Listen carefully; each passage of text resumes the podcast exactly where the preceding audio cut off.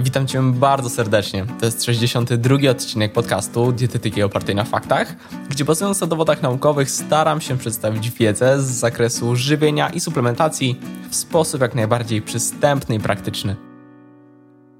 Czekolada generalnie uchodzi za produkt mocno kontrowersyjny, który można powiedzieć stoi na pograniczu produktu prozdrowotnego z uwagi na wiele ciekawych właściwości, a produktu rekreacyjnego, zaliczanego do szerokiej grupy słodyczy, a więc elementu diety, który raczej zaleca się ograniczać.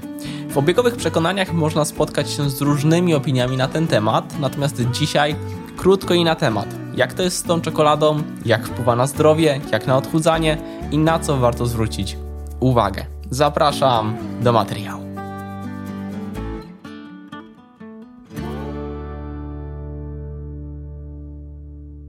Na wstępie pragnę wspomnieć, że będę skupiał się głównie na czekoladzie tak zwanej wysokoprocentowej, a więc przede wszystkim gorzkiej, zawierającej około 70% i więcej kakao w składzie, ponieważ to głównie o to kakao nam chodzi. Oczywiście te z mniejszym udziałem procentowym również mają znaczenie, lecz logicznym jest, że aby spożyć te same ilości kakao, należałoby takiej czekolady zjeść więcej, co wiąże się tym samym z wyższym spożyciem innych składników takiej czekolady, na przykład cukru. Do tego jeszcze się odniosę później, ale zacznijmy od tych z wyższym udziałem kakao.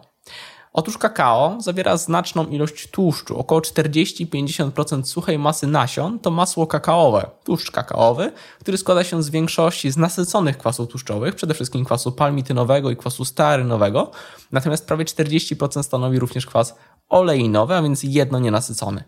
To, co niezwykle ważne i na co zwraca się szczególną uwagę pod kątem zdrowotnym, to zawartość polifenoli, antyoksydantów, związków, które można kojarzyć z warzyw, owoców, herbaty, kawy i tak dalej. Ogólnie rzecz biorąc, związków bardzo pozytywnie wpływających na szeroko pojęte zdrowie.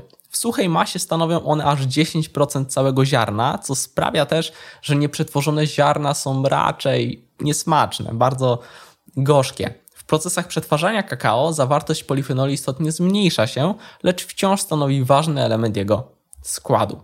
Kakao jest również bogate w metyloksantyny, głównie teobrominę, chyba większości się kiedyś nazwa tego związku przez uszy przewinęła, i składniki mineralne, m.in. potas, fosfor, miedź, żelazo, cynk czy magnez. O magnezie często się mówi właśnie w kontekście kakao i słusznie, bo jest tam go całkiem sporo. Nie będę już wchodzić w większe szczegóły, ale warto zwrócić uwagę, że kakao może się pochwalić dość ciekawym składem, stąd bez wątpienia warto się mu przyjrzeć.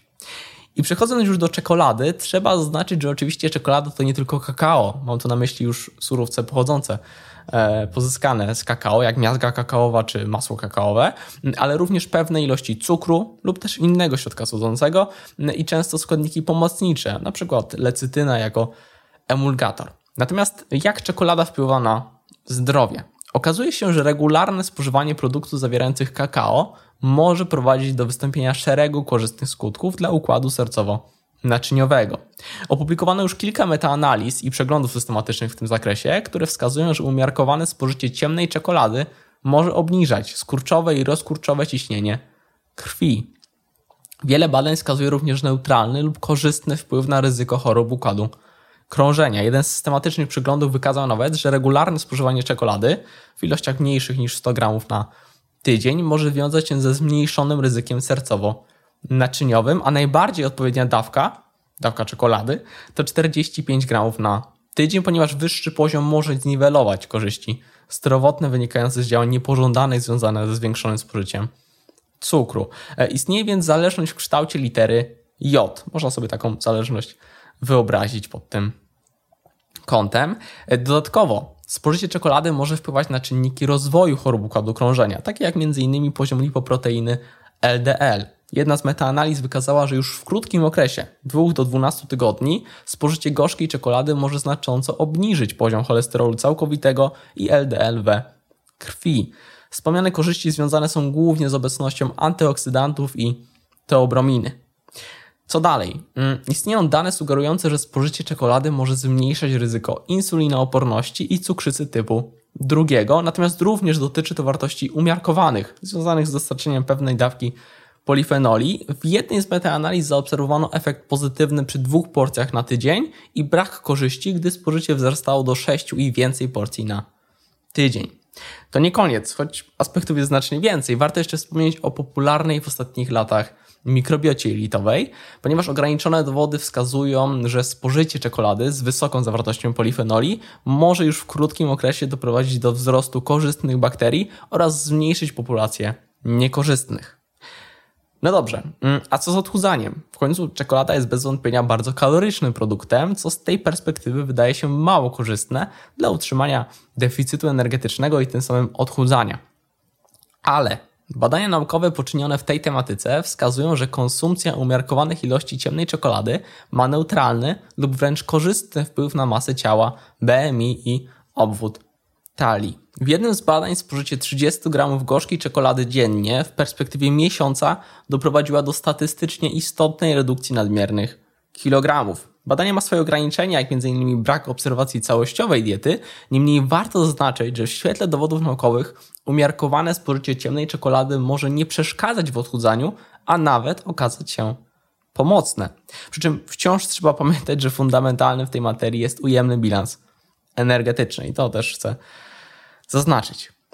Ok, ale żeby nie było tak kolorowo, warto wspomnieć, na co trzeba uważać. Otóż nadmierne i zbyt częste spożycie czekolady, oprócz zniesienia wcześniejszych korzyści, zwiększa ryzyko próchnicy przez obecność cukru.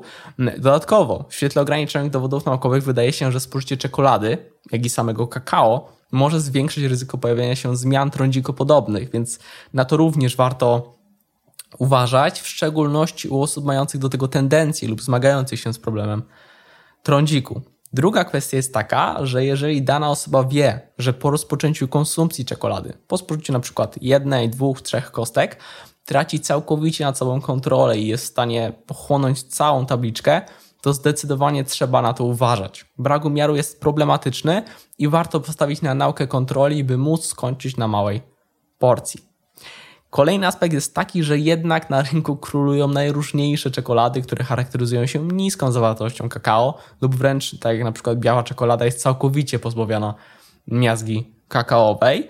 Często pojawiają się dodatki, większej ilości cukru, no i tu już trzeba podkreślić, że taki produkt zalicza się po prostu do słodyczy i naiwnym byłoby sądzić, że te wspomniane korzyści e, dzisiaj wymienione dotyczą również tego.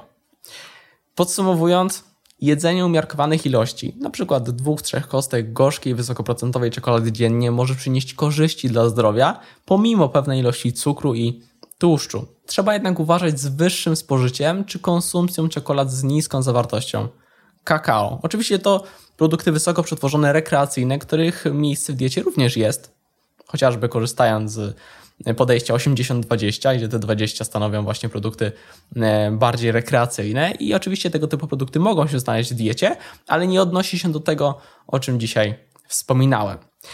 Co więcej, Trzeba zaznaczyć, że przytoczone korzyści dotyczą też oczywiście zwykłego, niesłodzonego kakao, z którego można samemu przygotować, czy to napój, czy czekoladę, czy użyć jako dodatek do posiłków. Jego spożycie niesie ze sobą pewne korzyści, z których warto skorzystać. Mam nadzieję, że ten odcinek okazał się wartościowy.